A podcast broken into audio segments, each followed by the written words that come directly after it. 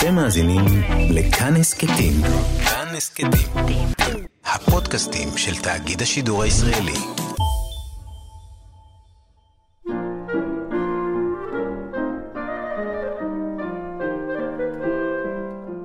מאחורי הקלעים, שעה עם רותי קרן על צידו הנסתר של עולם התרבות והאומנות. קיבלנו מכתב מאת חלוץ אחד המציע לנו חומר לקומקום. החומר הוא מעניין למדי. ידידנו זה מספר לנו שעבר את כל ארץ ישראל, את כל נקודות היישוב, הקבוצות, המושבים והקיבוצים, ובכל מקום רכש לו מחלה אחרת. הנה סדר המחלות שלו. ברוחמה קיבלתי טראומה, בהרצליה דיזנטריה, במחניים טיפוס מעיים, בימה אקזמה, בקיסריה מלריה, בירושלים כאב שיניים, בחדרה חולרה, בעין חרוד טיפוס הבערות. בבנימינה אנגינה, בראש פינה סקרלטינה, בעתלית דיפטרית, בבית שאן סרטן ובנצרת, קיבלתי לו הלחם עצרת, ובכל פינה ניתחת, קדחת. נו, ואת כל זה הוא מציע לנו, לקומקום. תודה רבה. על שאלתנו מדוע לא קיבל עוד מחלות אחרות, כמו למשל דבר, שחפת ותחורים, ענה לנו, יען כי אין מקומות החורזים בחרוזים למחלות אלה. טוב, אז, אז החלטנו לפנות אל מחלקת ההתיישבות בהצעה שתבנה מושבות, החורזות עם המחלות הנזכרות ועם כל המחלות בכלל, כדי ששירו הנפלא של חלוץ יהיה לשירה שלמה. שיר העיתולים הזה שהסופר אביגדור המאירי מציע בשנת 1928 לתיאטרון הקומקום אינו רק שעשוע לשוני, אלא גם מתכתב עם התחלואים ואפילו עם המגפה שבתוכה אנו מצויים כעת. דף הנייר עליו כתוב השיר כבר הצהיב מיושן, צבעו כמעט חום, אבל האותיות שחורות וברורות, וכמו מסמכים רבים אחרים, מכתבים, רשימות, קטעי יומן, פתקים, הם שופכים אור לא רק על אותם אנשים שכתבו אותם, סופרים ומשוררים, אנשי ציבור, אפילו ראשי מדינה, שכתבו אל אותם סופרים, אלא על תקופה, על מנהגים, על תרבות ושפה, על הוויה ועל עולם שהיה סמוי מעין הציבור. בחלקה השני של התוכנית מאחורי הקלעים על ארכיון הספרות גנזים, נמשיך להתוודע בליווי הסופר יצחק בר יוסף, המשמש שם בשנים האחרונות ארכיונאי. נשוחח כיצד מגיעים האוספים אל הארכיון, איך משמרים אותם, וכמובן אילו תגליות, תעלומות ואנקדוטות עולות מתוך עיון במסמכים הללו. מסמכים? גם קופסאות סיגריות לרוב, מפיות, יומני רופא ועוד ועוד. אני רותי קרן מגישה ועורכת, קריאה זוהר סדן, ושלום לך שוב יצחק. שלום שלום, אגב אני רוצה להוסיף לסיגריות וכולי, גם קופסה של שוקולדים מקהיר, קופסה של בונבונים, שאסתר רב קיבלה מבן דודה ושהוא חיזר אחריה, דוד גרין, ובתוכו היא שמרה את מכתבי האהבה שהוא כתב לה, ואחרי זה באמת זה עבד, והיא באמת התחתנה איתו. אחרי זה התגרשה, לא חשוב. אבל, כן. אבל זה באמת קופסה יפהפייה של ממתקים מקהיר מלפני מאה שנה. אז סיפרת בחלק הראשון על האוספים שלעיתים אתם אה, מוצאים זרוקים ברחוב, על אוספים שנמצאים באקראי, ועל אוספים שאתם מנסים לקבל מסופרים ומשוררים שעודם בחיים, ודיברנו על הקושי להיפרד, כי מדובר בחפצים אישיים ועיקרים רגשית. סיפרת לי שמישהו שמעין להיפרד מאוסף כזה של הקרוב, לא סופו של דבר שאיבד הכל בשרפה. כן, כן, זה היה סיפור לפני uh, מספר שנים שהייתה השרפה הגדולה בחיפה, אז uh, uh, עבר זמן ושמעתי על אדם ששמר uh, מכתבים וחפצים של uh, קרוב משפחה שלו, שהוא היה סופר, איש ספרות, ולמרבה הצער, יחד עם... עם ביתו, גם זה נשרף. לכן אנחנו, אני משתמש בסיפור הזה גם כדי לשכנע אנשים שמתקשים להיפרד מהארכיונים שנמצאים ברשותם, ואני אומר להם, אצלנו זה המקום הכי בטוח לשמור אותם, זה גם תחת בקרה ועם ציוד מיוחד של כיבוי אש של ארכיונים, זה לא מים, אנחנו לא משתמשים שם במים, זה גז מיוחד, הכל תחת בקרה ועם חיטוי ועם הדברה נגד חרקים אחת לכמה שנים, ונוסף לזה אנחנו גם סורקים את הדברים, כלומר שאפילו אם חס וחלילה וכולי וכולי, אז הדברים נשארים סרוקים ומועלים לרשת בשיתוף פעולה עם אוניברסיטת הרווארד בארצות הברית ועם הספרייה הלאומית בירושלים. כן, אז כשאתה מקבל את הארגז לידיך, יש אה, פרוטוקול קבוע של איך מתנהלים, איך מתנהגים, מה סדר הפעולות? כן, דבר ראשון, אה, מתרגשים קצת. מי שלא מתרגש, אז כאילו אומרים, אל תעשה את זה, זה לא, זה לא ארכיון, זה, זה לא משהו בשבילך, בכלל, לך תשתה קפה. אבל, אה, אבל קצת מתרגשים, ואז מתחילים להפריד לפי סוגות, להכניס אותם לתוך מעטפות של נייר. אחרי שמכניסים אותם לתוך מעטפות של נייר לא חומצי, אנחנו רושמים, אנחנו מקטלגים כל דבר ונותנים לו מספר. Mm-hmm. אחרי זה מעלים את זה על מחשב. יש מספר קטלוגי שזה עולה על תוכנת אידאה, שבאמצעותה כל חוקר יכול מהבית לראות איזה דברים יש. ולאחר מכן סורקים את זה. היום אנחנו סורקים ארכיונים בשיתוף עם הספרייה הלאומית, ואז חוקר יכול לשבת בבית, הוא לא צריך אפילו לבוא אלינו, זה המגמה, שככה זה יהיה. אדם יוכל לשבת בבית, ולראות בביתו, על המסך שלו, את אותו מסמך, ולעשות את כל המחקרים שלו אצלו בבית.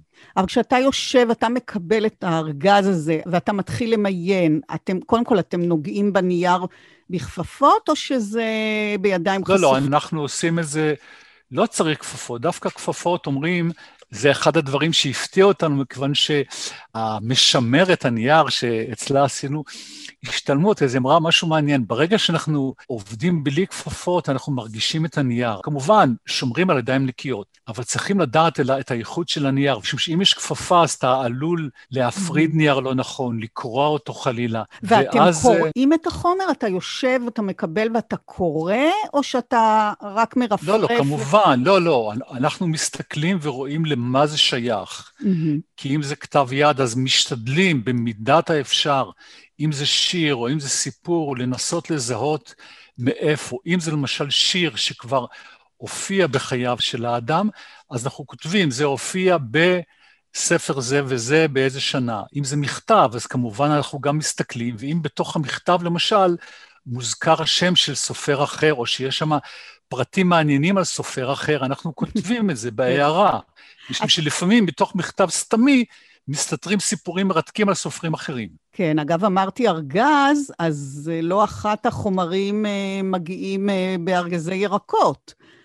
כן, כן, ארגזי תפוחי אדמה של הדוד משה מחבל לכיש, או ארגזי גזר, או, או כל מיני דברים, ולפעמים זה גם מגיע בתוך, אה, אנחנו קיבלנו ארכיון של משפחת הלפרין, זה האביב של מור, בתוך, זה לא ארגז, אני לא יודע איך קראו לזה, זה מין מתקן כזה שבו שמרו כובעים, זה מין קופסה, סליחה, זה הגיע בתוך קופסת מגבעות, שבה שמרו כנראה את המגבעת של אותו אלפרין, שעלה מברלין לארץ ישראל, וזה ככה הגיע יחד עם זה. או שזה מגיע בתוך מזוודה מיוחדת, אה, דברים שנשמרו פעם, אבל בדרך כלל זה מגיע אלינו בתוך אה, ארגזים. כן, וזה לא רק דפים אה, טיוטות, אלא אמרנו פתקים והמון קופסאות סיגריות, נכון? כן, כן, כן. אז החבר'ה... עישנו בכמויות, וכמובן אה, שמרו את הקופסאות וכתבו עליהם גם דברים, כי זה נייר וזה תחת היד, ויושבים בית קפה, ופתאום עולה איזה מין בדל שיר, אבות ישורון, אה, המוני, עוד, עוד סיגריות משנות ה-30, שיש עליהם חותמות של המכס של המנדט הבריטי. זה פנטסטי, מוצאים שם גם אה, מי שרוצה לעשות מחקר על צריכת הסיגריות בארץ, שיבוא אלינו. מעבר לכך גם מפיות, משוררנו וסופרנו נכון. אהבו לשבת uh, בבתי קפה, אז uh, אלכסנדר פן כתב על uh, מפיות. איך זה נשמר בכלל? מפית זה בכל זאת... אנחנו לא יודעים, העובדה היא שזה נשמר. או שהוא לקח את זה הביתה ושמר, או שמי שישב איתו לקח את זה כמזכרת. יש גם דברים מרתקים, כמו למשל כתבים של מאיר רוטנברג, שהוא היה בלשן וחוקר מקרא, אחרי שהוא ברח מפולין, אז הוא היה באיזה קולחוז ברוסיה, בעצם כך חייו ניצלו, אבל היות שמצב בריאותו לא היה טוב, אז שחררו אותו מהעבודות הקשות שיש, והיה לו הרבה זמן, אז הוא מצא ניירות של הקולחוז, של המשרדים, והוא השתמש בצד השני שלהם, ממש על טפסים, בשביל לכתוב את כל חידושי הלשון שלו. ואחר כך הוא כרך את זה, הוא עשה חורים וכרך את זה עם מין שרוכים, uh-huh. והיום התברר אחד העובדים שלנו, דוקטור בוריס ינטין, שהוא אה, דובר רוסית לפי השם את מבינה, אז הוא פענח את הניירות, ונמצא שמה שזה ניירות של הקולחוז, רשימות של הספקי העבודה, וכמה שילמו להם, מה היבול היה כל שנה, ואיך הכריחו את הקולחוז לתרום למען המאמץ המלחמתי של הצבא האדום. כל קולחוז היה צריך לתת כך וכך. פשוט סיפור מרתק כן. של הניירות, שלפעמים הצד השני הוא מרתק לא פחות מאשר כן. הצד הזה. נכון. וגם, כמובן, יש לנו את הסיפור הידוע של אה, שאול צ'ניחובסקי, שכידוע הוא היה רופא, והוא קיבל יומני שנה רפואיים מחברת בייר הגרמנית. עכשיו, הוא השתמש ביומנים האלו אה, בתור פנקסים לשירים שלו, ואז אנחנו מוצאים שם שירים וסיפורים, שיר מאוד uh, נוגה ולירי על גבי דף, שלמטה יש למשל uh, תרופה נגד דחורים. או, או שיש איזה שיר, השיר שלו ידוע בזכותם של ילדים, העולם קיים וכולי, ומצאתי למטה איזה שם של uh, תרופה, לא ידעתי מה זה, ושאלתי uh, חבר רופא, והוא חיפש וחיפש, הוא אמר, זו תרופה שנתנו בזמנו לנשים אחרי לידה. תראי איזה מין צירוף, איזה צירוף כן. מוזר. של uh, שיר על, uh, על תינוקות, ו- ולמטה יש uh, תרופה לנשים אחרי לידה. כן, אצל צ'רניחובסקי נמצאות באמת עדויות כתובות בכתב ידו, שבלי ספק מרחיבות ומעבות ומעמיקות את דמות המשורר שמוכרת לנו חלקית. למשל, פתק, ועליו רשימה מיוחדת במינה. אני, אני מנחש למה את מתכוונת. נו, נו, תגידי, שלא יגידו שאני מתחיל עם זה. אתה הבאת לי את המסמך, מה זאת אומרת? בדיוק. לא, אני מתבייש קצת. לא, הקיצור, זה רשימת, זה רשימת אנשים שהיו איתו. למעלה כתוב, אלה אשר אהבתי. Mm. ומופיע שם רשימת שמות, ואפילו לפעמים בצד כתוב אה, איפה, בספינה, או שכתוב שזו מורה, וגם יש מקומות שיש איקסים, אולי זה מין ציון לשבח, ייתכן שהיא הייתה מאוד טובה. כן, יש שם לפחות עשר נשים שהוא רשם לעצמו כ... גם מקומות כתזכור. וגם ציונים. וגם uh, ציונים, כן, וטוב, ידוע שצ'רניחובסקי היה אוהב חיים וגם uh, אוהב נשים, וגם ישנו סיפור ידוע שהתגלה אצלנו, ששנות ה-30 הוא גם כתב uh, סיפורים אירוטיים, מה שנקרא במונחים של אז, כנראה אפילו פורנוגרפיים במרכאות כפולות, כמו בסיפור אה, על נער אה, שנפגש אה, בנערה באיזו חתונה והם מתחילים להתמזמז, כמו שאומרים, וזה הדברים הולכים ומתחממים, ועוד רגע הוא יעשה את המעשה הנורא והאיום, ואז פתאום הוא שומע את נגינת הקלייזמרים, מין נגינת כינור, נוגה, ואז uh, המצפון שלו מתעורר לפני שהוא חומס את בתוליה של הנערה, והוא מפסיק באחת. והנה הוא שלח את זה לקבק, שהעורך של מאסף ספרותי, וקבק החזיר לו את זה ואמר, לא, לא, לא, אי אפשר, דברים כאלו אני לא יכול לפרסם בשום פנים ואופן, ו... והוא החזיר לו את זה. כן. הוא אמר, זה... מה יגידו הקוראים הנכבדים שלנו על מין דבר תועבה שכזה? כן, הוא כותב לו כך. בערב חודש כסלו, תרצ"ה, נובמבר 1934. בית הכרם, ירושלים. צ'רניחובסקי היקר, את סיפורך אני מחזיר לך בצער רב, מפני שקשה היה לי להוציא מידי את הדפים הנחמדים שבהם אתה מתאר את הנסיעה עם ערב אל הכפר, אל החתונה, וציור החתונה עצמה והאווירה שמסביבה, שהיא יפה להפליא. ואף על פי כן, אני מחזיר לך את הסיפור משני טעמים. הטעם הראשון, הסוף הוא פתאומי וספרותי יותר מדי.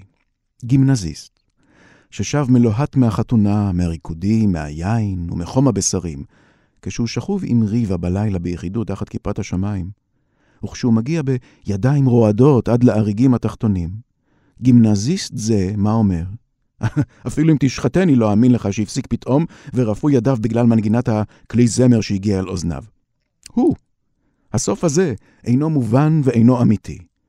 הייתי רוצה יותר לראות את הבחור הזה לאחר המעשה, בין אם זה לו המעשה הראשון ובין אם הוא כבר לאחר כמה ניסיונות. אז גם מנגינת הקליזמר יכולה להיות בלתי מיותרת, ומצב הרוח שנוצר על ידיה בלתי מלאכותיים. נו, אז זוכר אתה איך מספר התנ"ך על אמנון לאחר שעינה את תמר וישכב אותה? כתוב שם, וישנאיה אמנון שנאה גדולה מאוד. כי גדולה השנאה אשר שנאה מאהבה אשר אהבה. ויאמר לאמנון, קומי, לכי. ואחר כך, כשבכתה והתחננה והתלוננה על הבושה והעלבון שהוא גורם לה בזה שהוא משלחה ככה, כתוב, ולא אהבה לשמוע לה. ויקרא את נערו משרתו ויאמר, שילחו נא את זאת מעלי החוצה, ונעול הדלת אחריה. הנה אמת פסיכולוגית. הנה אמת ציורית. כמה המילה זאת שם שווה. לא תסולא בפז. אני מניח שגם מנגינת כינור יכולה להשפיע במקרים אלה כגורם מעכב, אבל רק בשעה שהבחור מוכן לכך. בשעה שרואים את היסוסיו ופקפוקיו קודם לכן, בשעה שרואים למשל עוד קודם את יראתו מן המעשה, הרגילה כל כך אצל צעירים מתבגרים שלא טעמו טעם חטא. אבל הגימנזיסט שלך עושה רושם שאינו בטלן כלל, שיודע לגשת ישר אל העניין, ויודע מהיכן צמחות הרגליים, אלא... אלא שהוא מתרגש קצת יותר מדי, נו, את זאת אפשר לסלוח לו, אבל הכינור? לא. את הכינור לא אסלח לו. אמרתי לך שיש שני טעמים שלא לקבל את סיפורך. הטעם השני הוא ממין אחר לגמרי. הקובץ יקירי הוא Festschrift, ולפי דעתי צריך המדור של הספרות היפה להיות בעל טון גבוה במקצת. אתה מבין?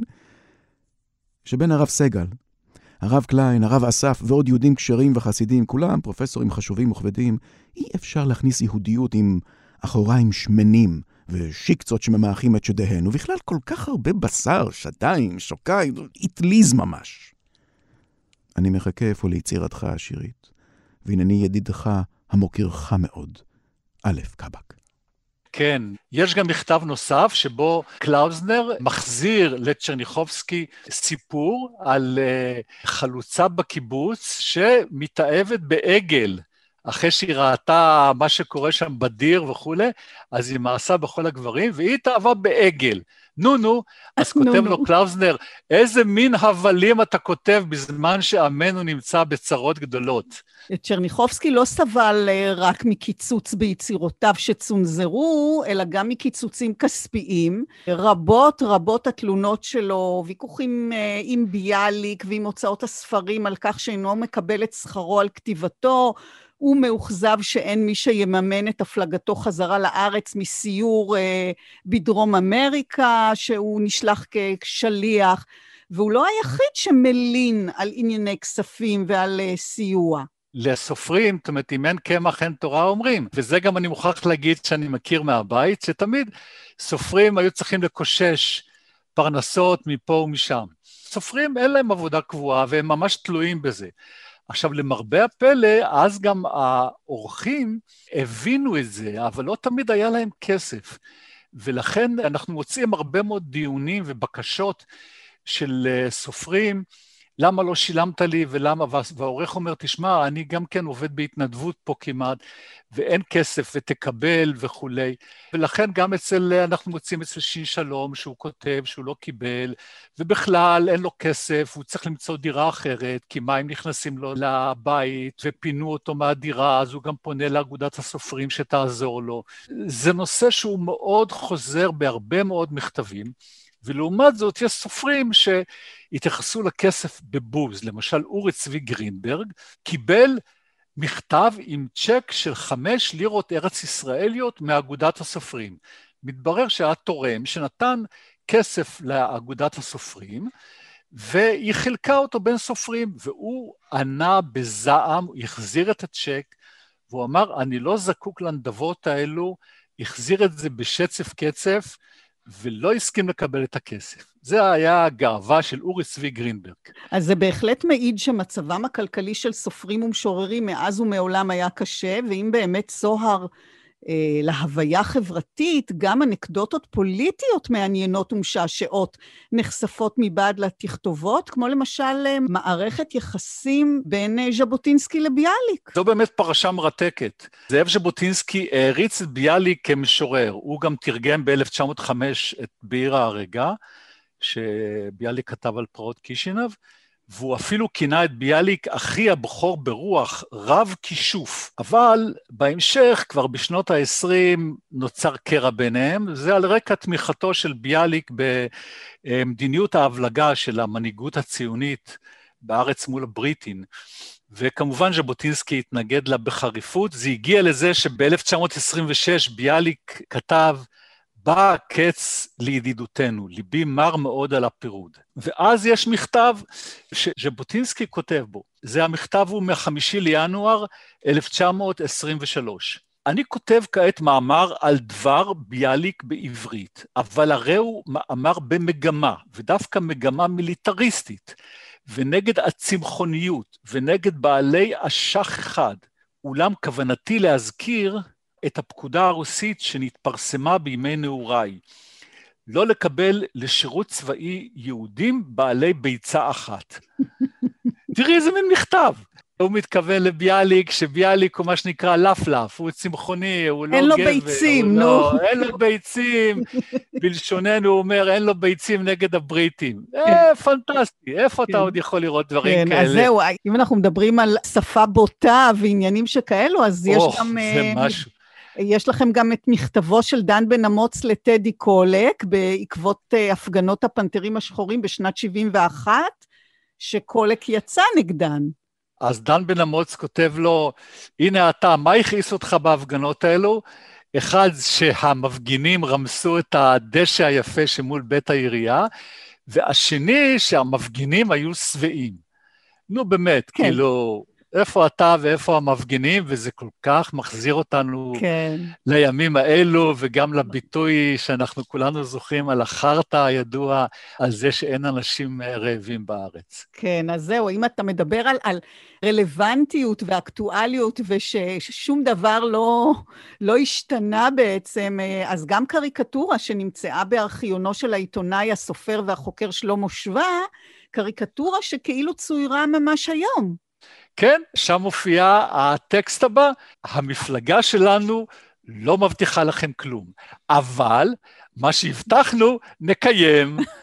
זה מה שנקרא, מזכיר לנו מאוד, פוליטיקאי מאוד מסוים, שאומרים שהוא מבטיח, אבל הוא לא מבטיח לקיים. כן, כן. זה לא רק פוליטיקאי מסוים, זה הרבה פוליטיקאים מסוימים. הרבה מאוד, הרבה מאוד, כן. כן, כן. כן מה אז... שנקרא, זה אבא שלי היה במחילה אומר, אבטוחס.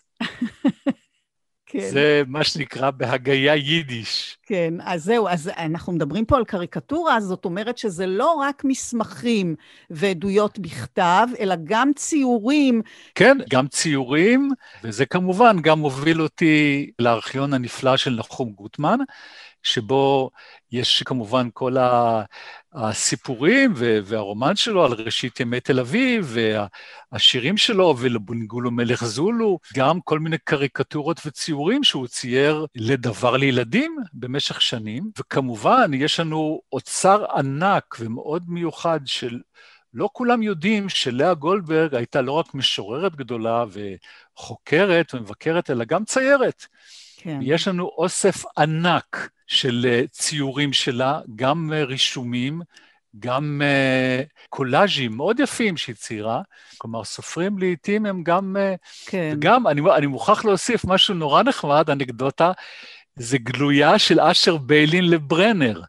שבו הוא כותב לו דרישת שלום מהילד שלו, uh-huh. וכדי להראות כמה הילד גדל, אז הוא שם את היד של הילד על המכתב והקיף בעיפרון את האצבעות. הוא אמר, תראה, זה כבר היום הציור של הכף היד של הילד שלי. זה מקסים. כן, זה בכלל לא מעט חפצים בין כאלה שעומדים בפני עצמם ובין חפצים שבהם שמרו אותם סופרים ומשוררים את כתביהם. בוא נגיד, אנחנו כמובן ארכיון של כתבי יד ושל כן. מכתבים, אבל לפעמים מגיעים דברים שאנחנו כבר לא יכולים לסרב, או... ולפעמים זה מגיע אלינו, אז אנחנו כמובן שומרים. אז למשל הגיע אלינו מי שהביא אלינו את מסכת המוות של צ'רניחובסקי. אנחנו קיבלנו זה, קיבלנו שוק, מה זה, זה בלהות. פתאום מסכת מוות שממש יצקו, היו עושים את זה פעם. אז שמנו את זה, בוא נגיד, שמנו את זה יפה בקופסה, אבל למטה למרתף, בוא נגיד, אנחנו לא רוצים להפחיד את הילדים. גם uh, הארכיון של uh, פסח ברדון, שקיבלנו מבנו, אז פסח ברדון היה לא רק ארכיאולוג דגול, מבכירי הארכיאולוגים, הוא גם היה סופר, ובין היתר בשנות ה-30, אפילו בסוף שנות ה-30, בזמן שכבר התחילו המאורעות, אז הוא כדי ללמוד את אורח החיים של הבדואים, הוא עבר לגור איתם, והוא חי חודשים יחד עם הבדואים, גם בעמק בית שאן, גם ברמת הגולן, והוא ממש התלבש שם כאחד הבדואים. אז הבן שלו הביא לנו את הכאפיה שלו, את העגל הזה של הכאפיה, וזה גם כן נשמר אצלנו. כן.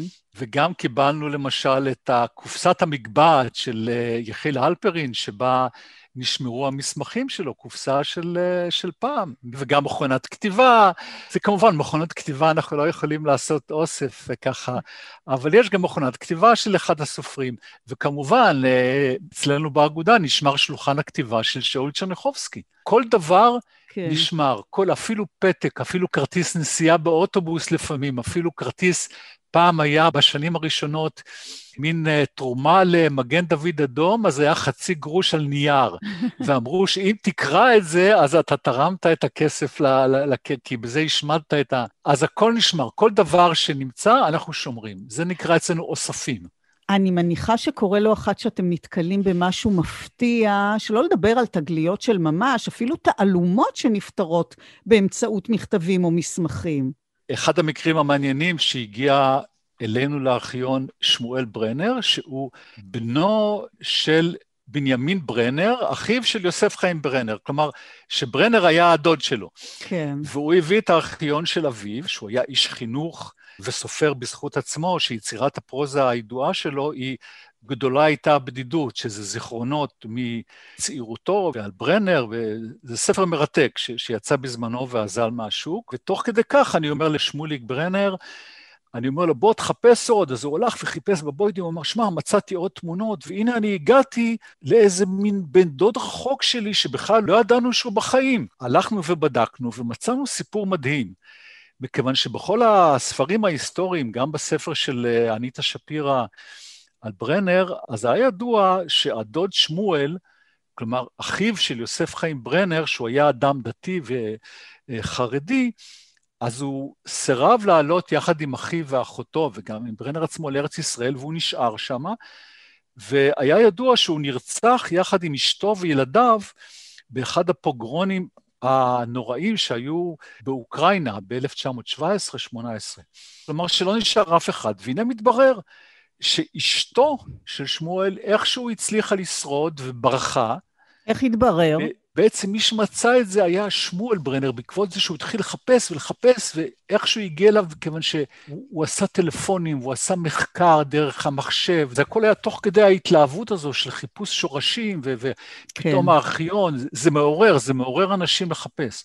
ואז התברר לא רק זה שאשתו של הדוד שמואל היא בחיים וכדומה, אלא מתברר שהנין נמצא בארץ, ואיפה הוא גדל? בצפת. והוא חסיד חב"ד. כן. אז אני מצלצל לאותו חסיד חב"ד, ואני אומר לו, כן, אכן, אני הוא אותו נתן בנקוביץ', זה השם שלו, שאני צאצא של הדוד שמואל. ואני שאלתי אותו, תגיד, אתה ידעת? שאל לכם איזה דוד אה, יוסף חיים ברנר אחד? אז הוא אומר לי ככה, כן, שמעתי כילד מפי הסבתא שהיה לנו איזה בן משפחה, סופר מפורסם, מוזר, מתבודד. Mm. הוא אומר, אני לא התעניינתי בו יותר מדי. והנה, באחרונה ראיתי את הסרט שעשו עליו, הוא מתכוון לסרט שעשו על ברנר, ואני שמעתי אבל שהוא היה אפיקורוס. ואני, בתור אדם שומר תורה ומצוות, אני לא רוצה לקרוא את הספרים שלו.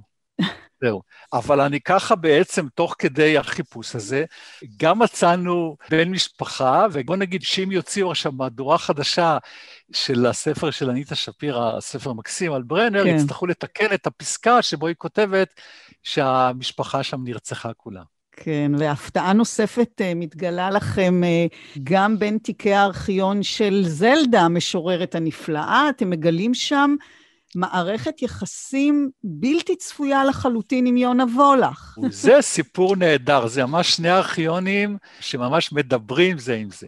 הסיפור מתגלה לנו דרך המכתבים של יונה וולך, שזה ממש הסיפור המדהים. מדובר במפגש בין זלדה, המשוררת החרדית, שגרה בירושלים, שהיא כבר בת 50 אה, בערך, ובין יונה וולך, אה, הסוערת, היצרית, אותה משוררת מתחילה, בת 20 וכמה, והחברה שלה, המשותפת שלהם, עזה צבי, המשאית עזה צבי, סיפרה לה על אה, זלדה, והיא אמרה לה, בואי, בואי נבקר אצלה, אצל זלדה בבית. וזלדה כתבה על כל מיני פתקים של מחברת, זה נמצא אצלנו. השירים שלה זה כמו מחברת של פעם שורות, שהיא תלשה דפים דפים וכל פעם כתבה שיר. כן. והשירים התגלגלו, זה על השידה, זה על השולחן, והם עברו ואספו את השירים, ויונה וולך קראה אותם והשתגעה, היא אמרה, מוכרחים להוציא את זה כספר. ואז היא מיד השאילה את מכונת הכתיבה הישנה הדפוקה שלה לעזה צבי, ויש מכתב שהיא מסבירה לה, הנה, זה מכונת הכתיבה, ואם את רוצה ללחוץ על uh, שין, אז זה נתקע, אז תדעי שאחרי שמקישים, צריכים למשוך בחזרה את המנוף הזה עם העופרת, מי שעוד מכיר את המכונת הכתיבה של אז. ואז יצא הספר הראשון של זלדה, שמיד עם צאתו זה נהיה הפריצה הגדולה שלה אל תוך התודעה, והפכה להיות הסיפור האדיר, ומיד אחרי זה יש מכתב נוסף, mm-hmm. שכתבה יונה וולך לזלדה, והיא מתארת שם את ההתרגשות, התגובות הפיזיות, ממש האירוטיות, שפקדו אותה כשהיא קראה את השירים של זלדה, ונוצרה ידידות בין שתי המשוררות הכה שונות האלו, ואני אומר כה שונות, זה בעצם לא כל כך שונות, הן היו שתיהן, ראשית, משוררות, שנית, שתיהן, כל אחת בדרכה חיפשה את אלוהים, גם יונה וולך בשירים שלה, וגם ברשימות שלה, גם ברשימות, יש לנו פנקס שלה שהיא שכבה כבר, שהייתה חולת סרטן בבית החולים, היא כתבה רשימות. רואים את החיפוש שלה אחר אלוהים. היא הייתה אישה אמונית, וזה קשר שנמשך, אבל לאט לאט זה התחיל להתפוגג, ואת ההתפוגגות מוצאים בשיר הנפלא של זלדה, הלהבה והברוש, שכאילו היא הברוש, כן. הכבדה, הירושלמית הזאת, היציבה והלהבה הזאת, יונה וולך. ואז הגיע הפיצוץ הנורא, כאשר יונה וולך שלחה ליעקב בסר, עורך עיתון 77, והוא פרסם את השיר שלה תפילין, שבו מופיע הקשר שם האלוהים וגם התפילין, בעצם התפילין, החפץ הכי, בוא נגיד, הדבר הכי דתי והכי מקודש, אחד הסמלים הכי מקודשים של היהדות, מופיע בהקשר מיני מאוד בוטה, אני לא רוצה אפילו להזכיר את זה פה, זה מופיע בשיר, וזלדה, שהיא ראתה את זה, התפחלצה, והיא כתבה לי, יעקב בסר, הרגשתי שמטתי. היא הרגישה שהיא מתה, מה שנקרא, כן. כמו שאומרים היום, אני מתה. ואז היא אמרה, אני יותר לא אפרסם אצלך יותר שירים, ואני מבטלת גם את, ה, מנוי. את המינוי, את, את הכל כן. קשר איתך, ובזה נגמר הסיפור. בכלל, אה, דיאלוגים כאלה בין אה, סופרים גדולים ומפורסמים, זאת חגיגה כפולה. סיפרנו בחלק הראשון על המכתב אה, של עמוס עוז ליהושע קנז, כמה שנים אחר כך כותב עוז גם ליורם קניוק על ספרו אדם בן כלב. חולדה, 20 במרס 69. יורם. כרגע סיימתי את הקריאה. ראשית, קבל נא את כל דבריי בזהירות ובחשדנות. הנני, ותמיד הייתי קורא קפריזי, מסובך, משוחד מאוד, קורא הבוחן כל ספר על פי קנה מידה הלקוחים מגבולות כתיבתי שלי. ואני יודע כמה עיוות ואי צדק יש בקריטריון האינסטינקטיבי שלי. אם אני עצמי הייתי מסוגל לכתוב זאת, סימן שזה לא שווה הרבה. היזהר אפוא מלקבל בלי ביקורת את שבחיי ואת הסתייגויותיי. ועוד הקדמה קטנה. קראתי את ספרך מתוך תערובת רגשות, ויכולתי לבודד בין רגשותיי גם התפעלות, גם קנאה, גם הפתעה, גם רוגז על פספוסים משוערים, וגם, ובעיקר, הרגשה של קרבה פנימית אל הכתוב ואל הכותב. כל הרגשות האלה פוסלים אותי מלחשב לי מבקר, וכל מה שבפי אינו בשום אופן בגדר ביקורת או ניתוח או לקחים, רחמנא ליצלן. במה להתחיל? אתחיל בהסתייגויות ובהתנגדויות. יש בספר צדדים של חולשה פנימית ויש בו לא מעט גילויים של חוסר איפוק, של אוקטבה גבוהה מדי לטעמי, ושל פנייה לעתים אל קורא רגיש למחצה. גילויים כאלה מעליבים אותי בשעת הקריאה, מפני שאני מתיימר להיות קורא רגיש, ולא רגיש למחצה, ומפני שאני אוהב מאוד כשמדברים אליי בשקט, כמעט בלחישה. קפריזה שלי, נכון. למה אני מתכוון בדיוק? אני מתכוון להפרזות צורמות במקצת בכיוון הסאטירה של המוסדות מכל המינים, הפרודיה על מוסכמות למיניהן, גרזן הקצבים שאתה מניף על כל מיני פרות קדושות. שלא תהיה אי-הבנה. גם אני אוהב שחיטת פרות קדושות, אוהב מאוד. אבל בסכין גילוח דקיק, לא בגרזן. ועכשיו אל העיקר.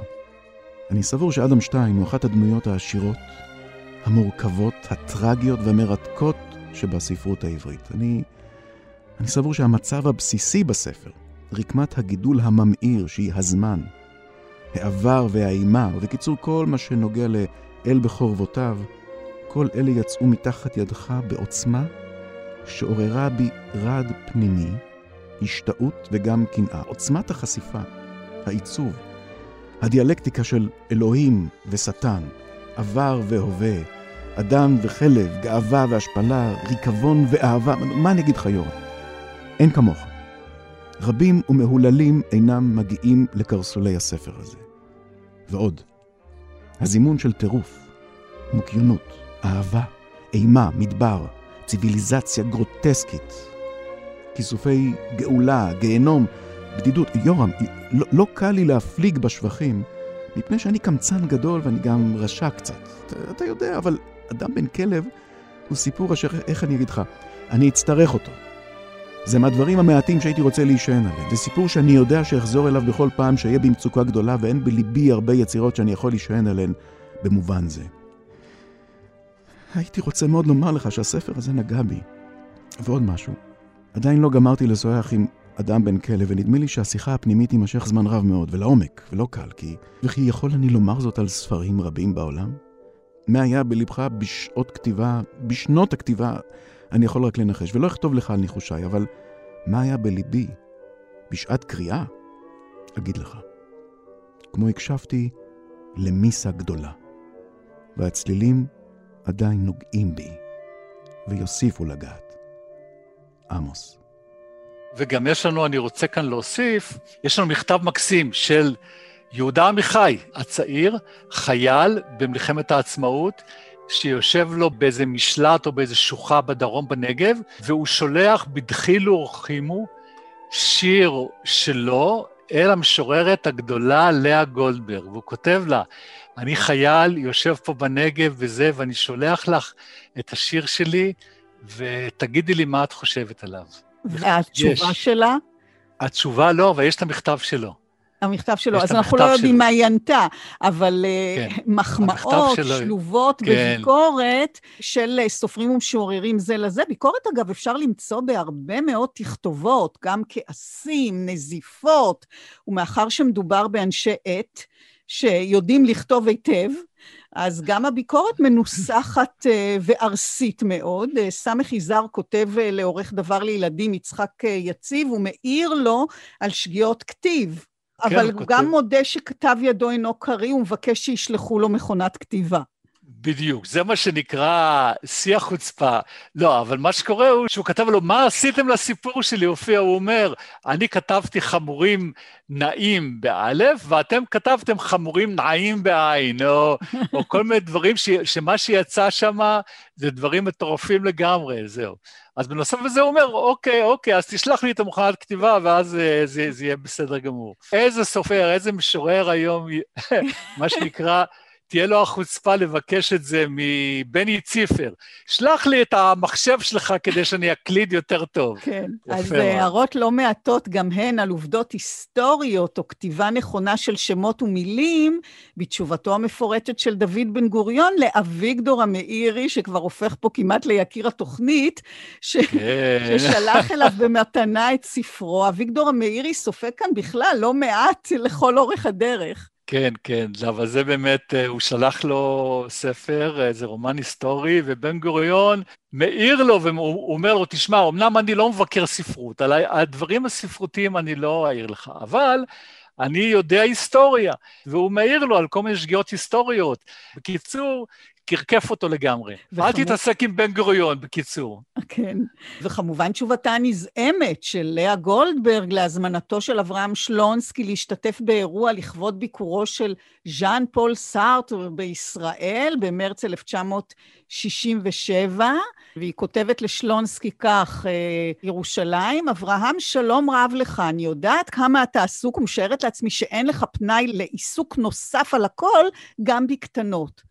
ואף על פי כן, אם מגיעים מכתבים בחתימתך, ראוי היה שתראה איך הם כתובים. הפנייה אליי כאל חייל טוראי, גולדברג לאה, ואחרי זה באלף נון, לא ידעתי עד היום שאני אדון, ועליי לציין שאפילו במקומות ששולחים מאות אגרות הזמנה וכיוצא בזאת, אין פונים אליי במין זכר ואין קוראים גולדברג לאה. אז מצידי, אני מודיע, וכך זה במקור, היא כותבת בלשון זכר, אני מודיע שאפילו אם יבואו הנה שייקספיר או טולסטוי, אני לא אגיב על המכתב הפונה אליי גולדברג לאה ואדון נכבד, ולא אשתתף בשום ישיבה המזמינה אותי בלי לטרוח בענייני נימוס אלמנטרי של הזמנה. אני משערת שיושבת במזכירות איזו בחורה היודעת בקושי קרוא וכתוב.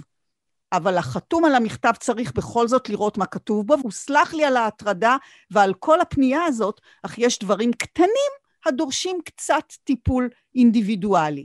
דרישת שלום למירה, בידידות לאה.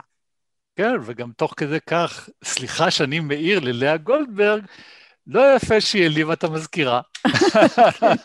אבל היא כנראה הייתה מאוד עצבנית על כן, שלונסקי. כן, כן. בדיוק. טוב, אבל אתה יודע, זה גם איזושהי הצצה לגישה פמיניסטית. מה זה נקרא? זה בהחלט. טוב, זה נושא בפני עצמו של... אבל לאה גולדברג זה בהחלט, אה, המכתב הזה חושף את העמדה המאוד נחרצת שלה בנושא הזה. הוא מכתב נוקב מאוד מאוד שכותבת שושנה שבבו ליהודה בורלה לאחר שהוא קטל את ספרה באכזריות. היא משתלחת בו בחריפות, והבנתי ממך שאתה גם קצת התאהבת בה.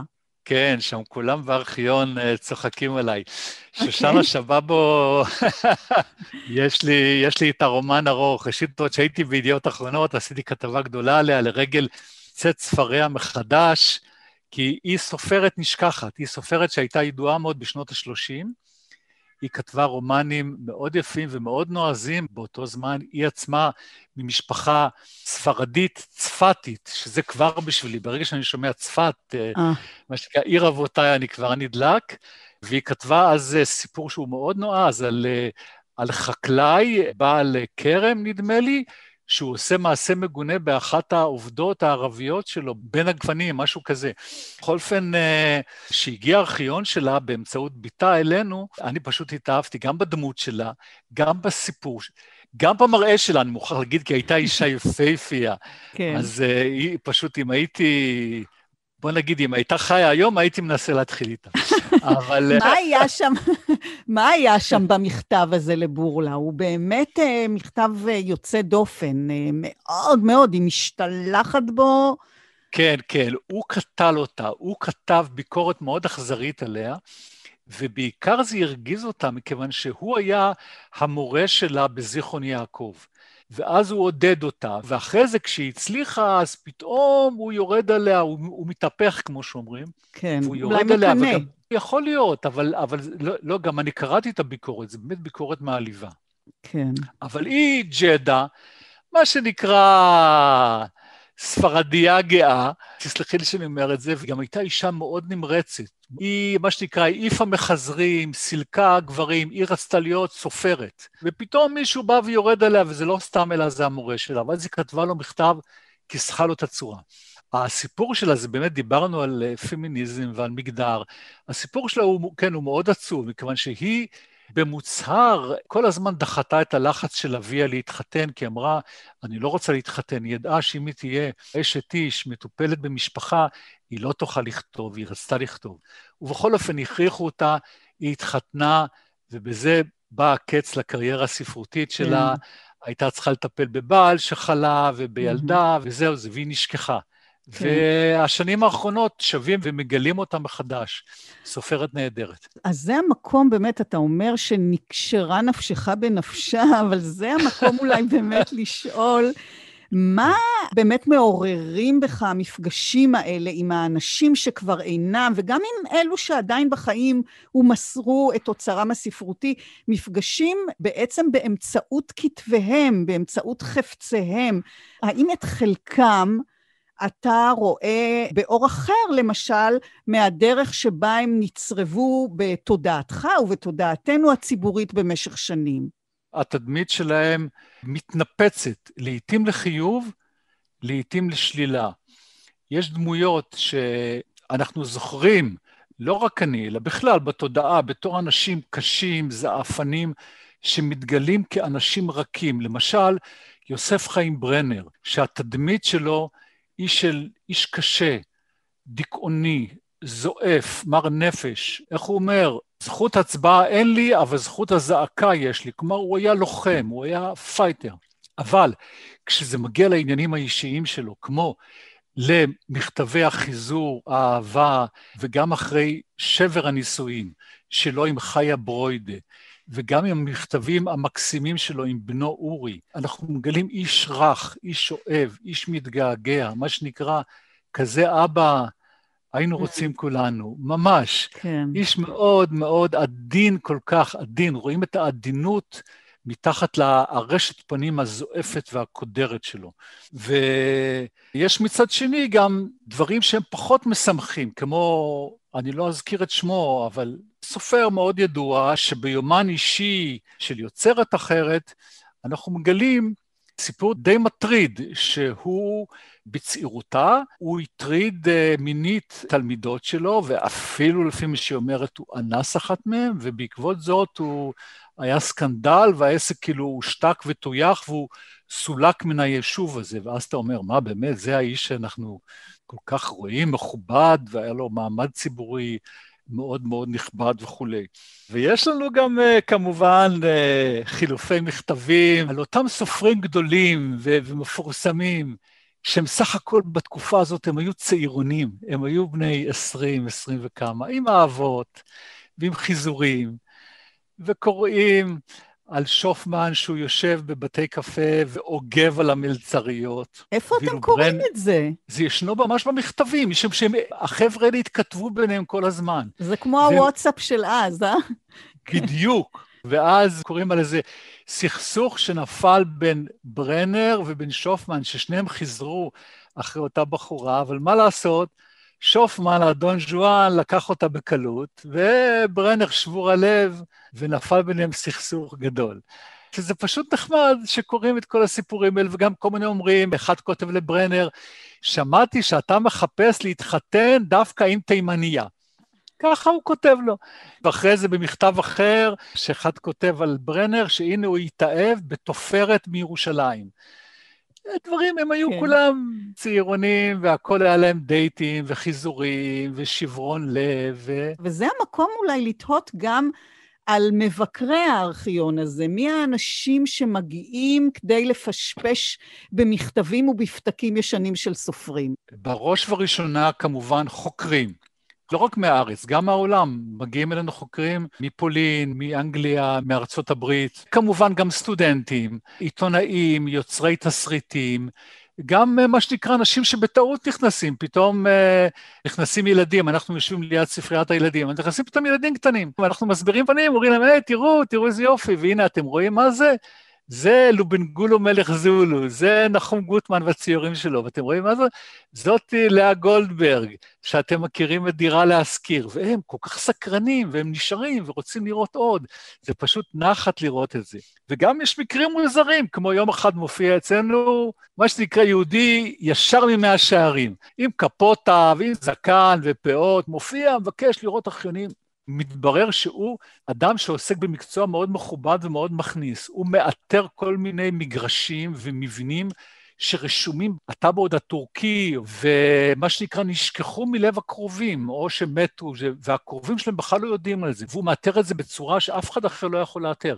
זה גם, יש רישומים כאלו שאי אפשר לאתר את זה בדרכים הפשוטות. ואז הוא מתקשר לאותו אדם ואומר, תשמע, אני מצאתי לך, אני יודע, 20 דונם בחדרה, או מגרש בלב תל אביב, ואם אתה רוצה לדעת איפה זה, אז תשלם לי עשרה אחוז, ואני אגיד לך איפה זה, ואם רגע, לא, אתה לא תגיע לזה. רגע, אבל מה זה קשור לארכיון סופרים, המגרשים? או, יפה, מכיוון שאותו אדם מצא איזשהו בית של סופר, שהוא מת ערירי. אז הוא אמר, אני רוצה לראות במכתבים, אולי יש לו איזה בן דוד או מישהו, אהה. ואני אאתר אותו. ואז אני אגיד לו, תשמע, יש לך בעצם זכות על אותו מגרש שתיתן לעשות זהו, אז הוא ישב, הוא כן. חיפש וחיפש וחיפש, כן? אז גם זה מגיע אלינו. כן, בחורי ישיבה, אמרת לי, אה, מגיעים לא פעם כן לישיבת נכנסים. הרמב"ם, ואז... כן, לספריית הרמב"ם של בית אריאלה מגיעים, ואז הם עוברים ככה מציצים בסקרנות, ב- ב- קצת בחשש, כי מי שכבר מגיע לספריית הרמב"ם ובית אריאלה, זה אומר שכבר מישהו שיש לו איזה עין אחת ככה הצידה, אז נכנסים ואנחנו מסבירים בסבר פנים יפות, מראים לו הסופרים, אנחנו גם מראים להם ארכיונים של הרב קוק. יש לנו ארכיון של הרב קוק, אנחנו מראים להם מכתבים של הרב קוק, הרב קוק שעמד בקשר, שהוא היה הרב הראשי לארץ ישראל. כן. אז הוא עמד בקשר עם uh, סופרים ועם אנשי רוח, עם אליעזר בן יהודה. מהמם. אליעזר בן יהודה היה מתכתב איתו ומתייעץ איתו לגבי מונחי לשון מן המקורות. וגם הרבי מלובביץ', יש לנו מכתבים של הרבי מלובביץ', שהתכתב עם uh, סופרים ואנשי רוח פה, בנוגע לכל מיני דברים שהתייעצו איתו, והוא ענה להם, וחבדניקים הגיעו אלינו בהתרגשות וצילמו את המכתבים האלו מכל צעד אפשרי. איך הגיעו אליכם המכתבים של הרבי מלובביץ'? כי הוא כתב לסופרים בארץ. תגיד, יש בוודאי אה, לא מעט מסמכים שנותרים חסויים, נכון? כלומר, יש פרטים שבפירוש אתם מקבלים הוראה שלא לחשוף? יש ארכיונים, לעתים ארכיונים שלמים, או חלקים, אדם שאו שהוא בעצמו נתן אותם, או שקרוביו נתנו אותם, שהם חפצים בזה שחלק לא יהיה חשוף לציבור. לעתים זה כתוב אה, עשר שנים אחרי מותי, או משהו כזה. כאילו דברים שהם לא רוצים, שזה לא יהיה, לא יהיה בושה, או לא יגלה דברים, ואז אנחנו סוגרים את זה בתוך תיק חסוי, ואף אחד לא יכול לפתוח את זה בלי רשות מפורשת של המשפחה. מהמם. אחרת אנחנו, זה אחד הדברים המאוד חשובים. ובאמת היה לנו אחד המקרים שמצאנו מכתבי אהבה או חיזור של אדם לסופרת, שאחרי גירושים שהיו להם, גירושים שזה היה איז, איזושהי סנסציה, איזו בגידה וסיפור, ואותו אדם ניסה, הוא התחרט אחר כך, והוא, והוא כתב אליה מכתבים יפהפיים, למרות שהוא עצמו לא סופר, פשוט מכתבים מקסימים, שבו הוא מכה על חטא והוא מבקש לחזור, אבל היא סירבה. עכשיו, אותה יוצרת uh, כבר נפטרה, ו... אבל אותו אדם, uh, מצאנו אותו. מהמם. ואני התקשרתי אליו ואמרתי, תראה, כמובן, אלה מכתבים, זה נורא יפה, וזה... ושיבחתי את המכתבים, באמת מקסימים. הוא לא, הוא לא הסכים, הוא אמר, זה רק אחרי מותי. כמובן, אנחנו מכבדים ולא נפרסם את זה. וכשנמצא ארכיון זרוק ברחוב ואין שום הסתייגות או הנחיה כתובה בין המסמכים, אין קרוב חי שיכול uh, למנוע את זה או לבקש, ואתם מוצאים שם באמת עניינים של צנעת הפרט.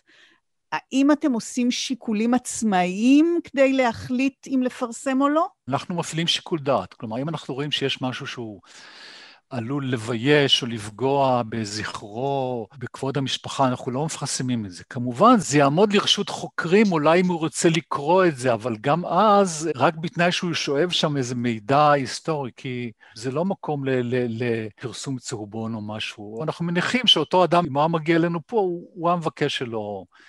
אלא אם כן, כמובן, עברו מאז, אני יודע, מאה שנה או משהו שזה כבר באמת... אה, וגם אז אנחנו מפעילים שיקול דעת, זה עושים ממש התייעצות בינינו. כן? Mm. כן, כלומר, כן. ישנם לא מעט סודות שאתה יודע ולא ייחשפו ל- לידיעת הציבור. כן, אהה, כן. כן, זה לא רק אני, זה כל אחד מהעובדים שלנו, וגם יש לנו מתנדבים שכולם, יש לנו הרבה מאוד מתנדבים, זה צוות גדול אז ומסור. אתם שהם לפעמים אה, מתאספים יחד אה, למין אה, כן. פיקנטריה כזאת, ו... זה לא לפעמים, זה, אצלנו זה קורה כל יום, יושבים, לכאורה את רואה, יושבים ו- וכל אחד נובר בתוך ערימות הניירות שלו, ואז פתאום, אוי, תראו מה מצאנו, ואז כולם, מה מצאתי? תראו איזה יופי, ואז כולם מתקבצים מסביב ומציצים, נדחקים וקוראים אחד לשני. תשמעי, זה לא חייב להיות דווקא איזה תגלית או פצצה, כן. אבל מוצאים פתאום איזה נימה אישית, איזה בדיחה, איזה שיר שמישהו כתב, איזו הקדשה יפה. וזה פשוט, מה שנקרא, זה הבונוס של העבודה שהיא סך הכל עבודה מאוד אפורה ומאוד מדויקת, זה צריכים לרשום ולקטלג, אבל זה הכיף של הארכיון, של עבודת כן. הארכיון. אז פתחנו את חלקה הראשון של התוכנית הזאת במכתב האהבה הנפלא שכתב אה, ביאליק לאהובתו חיה פיקהולץ. אני מניחה שישנם הרבה מאוד מכתבי אהבה, כמו חלופת אה, מכתבים סוערת ורוגשת במיוחד בין ברנר למי שהפכה לאשתו ואם בנו חיה ברוידה, וגם משהו שהיא כותבת אה, ביומנה שנתיים לפני שהיא אה, וברנר נישאים, אחרי קריאת ספרו מכאן ומכאן. כותבת אה, בירושלים, אוגוסט 1911, היום גמרתי את מכאן ומכאן, קראתי את הדפים האחרונים ובכיתי. כשהתעוררתי מדמעותיי אלו, שאלתי את עצמי, איזו היו הדמעות, דמעות שמחה או דמעות צער? לא ידעתי. היה רק האיש שכתב את אלה הדפים כל כך קרוב לליבי וכל כך יקר לי. כן, זו חליפת מכתבים מרגשת, ובין שניהם, גם אחרי שהם אה, נפרדו והתגרשו, גילוי הלב שם הוא פשוט נוגע ללב. הוא אומר, אמנם התגרשנו וזה, אבל אנחנו לעד mm-hmm. נשאר בקשר, והקשר בינינו והאהבה נשארת, למרות שהחיים ביניהם לא היו אפשריים. כן. וישנו מכתב אחד מקסים, שבו הוא כתב, כשאחרי שהתגרשו, אז uh, חיה לקחה את אורי, הילד הקטן, והיא נסעה איתו לאירופה. זה היה למרות התנגדותו של ברנר, ואז יש מכתב שהחלק העליון הוא כותב לאורי, ואז באותיות גדולות, ובנוסח ילדותי, אורי, כמה אני אוהב אותך ומתגעגע וזה, והכל אהבה ורוך וזה, ואז זה גומר, אז זה הופך למטה בשבילה, ואז זה חוזר לכתב היד שלו, הקטן, המעוקם, והוא כותב לה בעניינים, זה פשוט נפלא, רואים את שני הצדדים שלו כן. על דף אחד. אז אין ספק שזה מרגש מאוד. סיפרת, יצחק, שהגעת למעשה לארכיון לחפש חומרים שהותיר אה, אביך, הסופר יהושע בר יוסף, והנה, תוך כדי שאתה נובר ומקטלג וממשש מכתבים, דפים, קופסאות סיגריות, ממש חי במידה כלשהי בעבר, באחד הימים כשאתה עובד על כתביו של המשורר זלמן שניאור, אתה נתקל בשיר שבבת אחת מחזיר אותך לילדותך, לזיכרון שלך מאימך, מחייכם יחד אה, בצריף רעוע, והנה הנה כוחו של כתב יד מן העבר לפעול עלינו רגשית, נפשית. הארכיונאי שנפגש עם עצמו, עם עברו שלו. כן, זה היה כתב יד בכתב ידו וחתימתו של זלמן שניאור, של אה, יד הנוגה הייתה לה.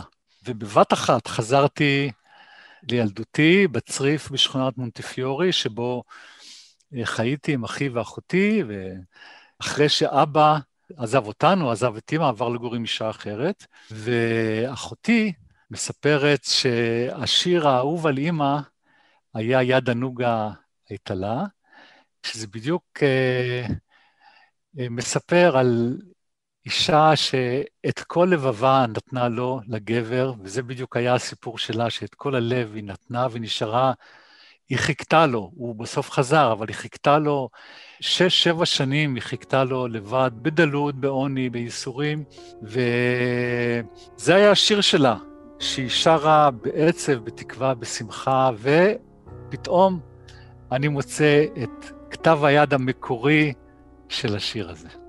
ברגע שראיתי את זה, באותו רגע כבר לא הייתי בתוך הארכיון, לא הייתי בתוך המשרד שלנו בבית אריאלה, שאני בן uh, כמעט uh, אה, 70, יושב שם, הייתי שוב uh, בתוך הצריף הרעוע והדולף הזה בשכונת מונטיפיורי, והדמות של אימא ככה מרחפת מתוך הזיכרון, מתוך מה שסיפרו לי, עומדת לה במטבח הקטנטן שם עם פתיליה, והיא... או רוחצת כלים, או מבשלת לה במיה, או קציצות חובזה. Mm. והיא שרה ככה לעצמה את יד הנוגה האיטלה, וזהו, הייתי שוב שם ממש עם התרגשות, עם לחלוכית בעיניים, כן. באותו רגע לא היית ארכיונאי. לא, לא, הייתי אותו ילד קטן, יצחק עליה קטן, בן החמש, שקמע לאהבה, לאהבה של אימא, שאהבה של אבא שלו היה. כן, שם הייתי שם. יצחק בר יוסף, אני מאוד מודה לך. בתוכנית מאחורי הקלעים שוחחנו על ארכיון הספרות גנזים. תודה לסופר אה, ולארכיונאי יצחק בר יוסף, שגילה וסיפר גם לנו מסודות הארכיון. תודה גם לזוהר סדן על קטעי הקריאה. אני רותי קרן מגישה ועורכת את התוכנית הזאת וגם את חלקה הראשון תוכלו לשמוע באתר ההסכתים של מאחורי הקלעים, לצד כל התוכניות הקודמות. עוד תוכנית גם בשישי הבא בשש, להתראות. על טל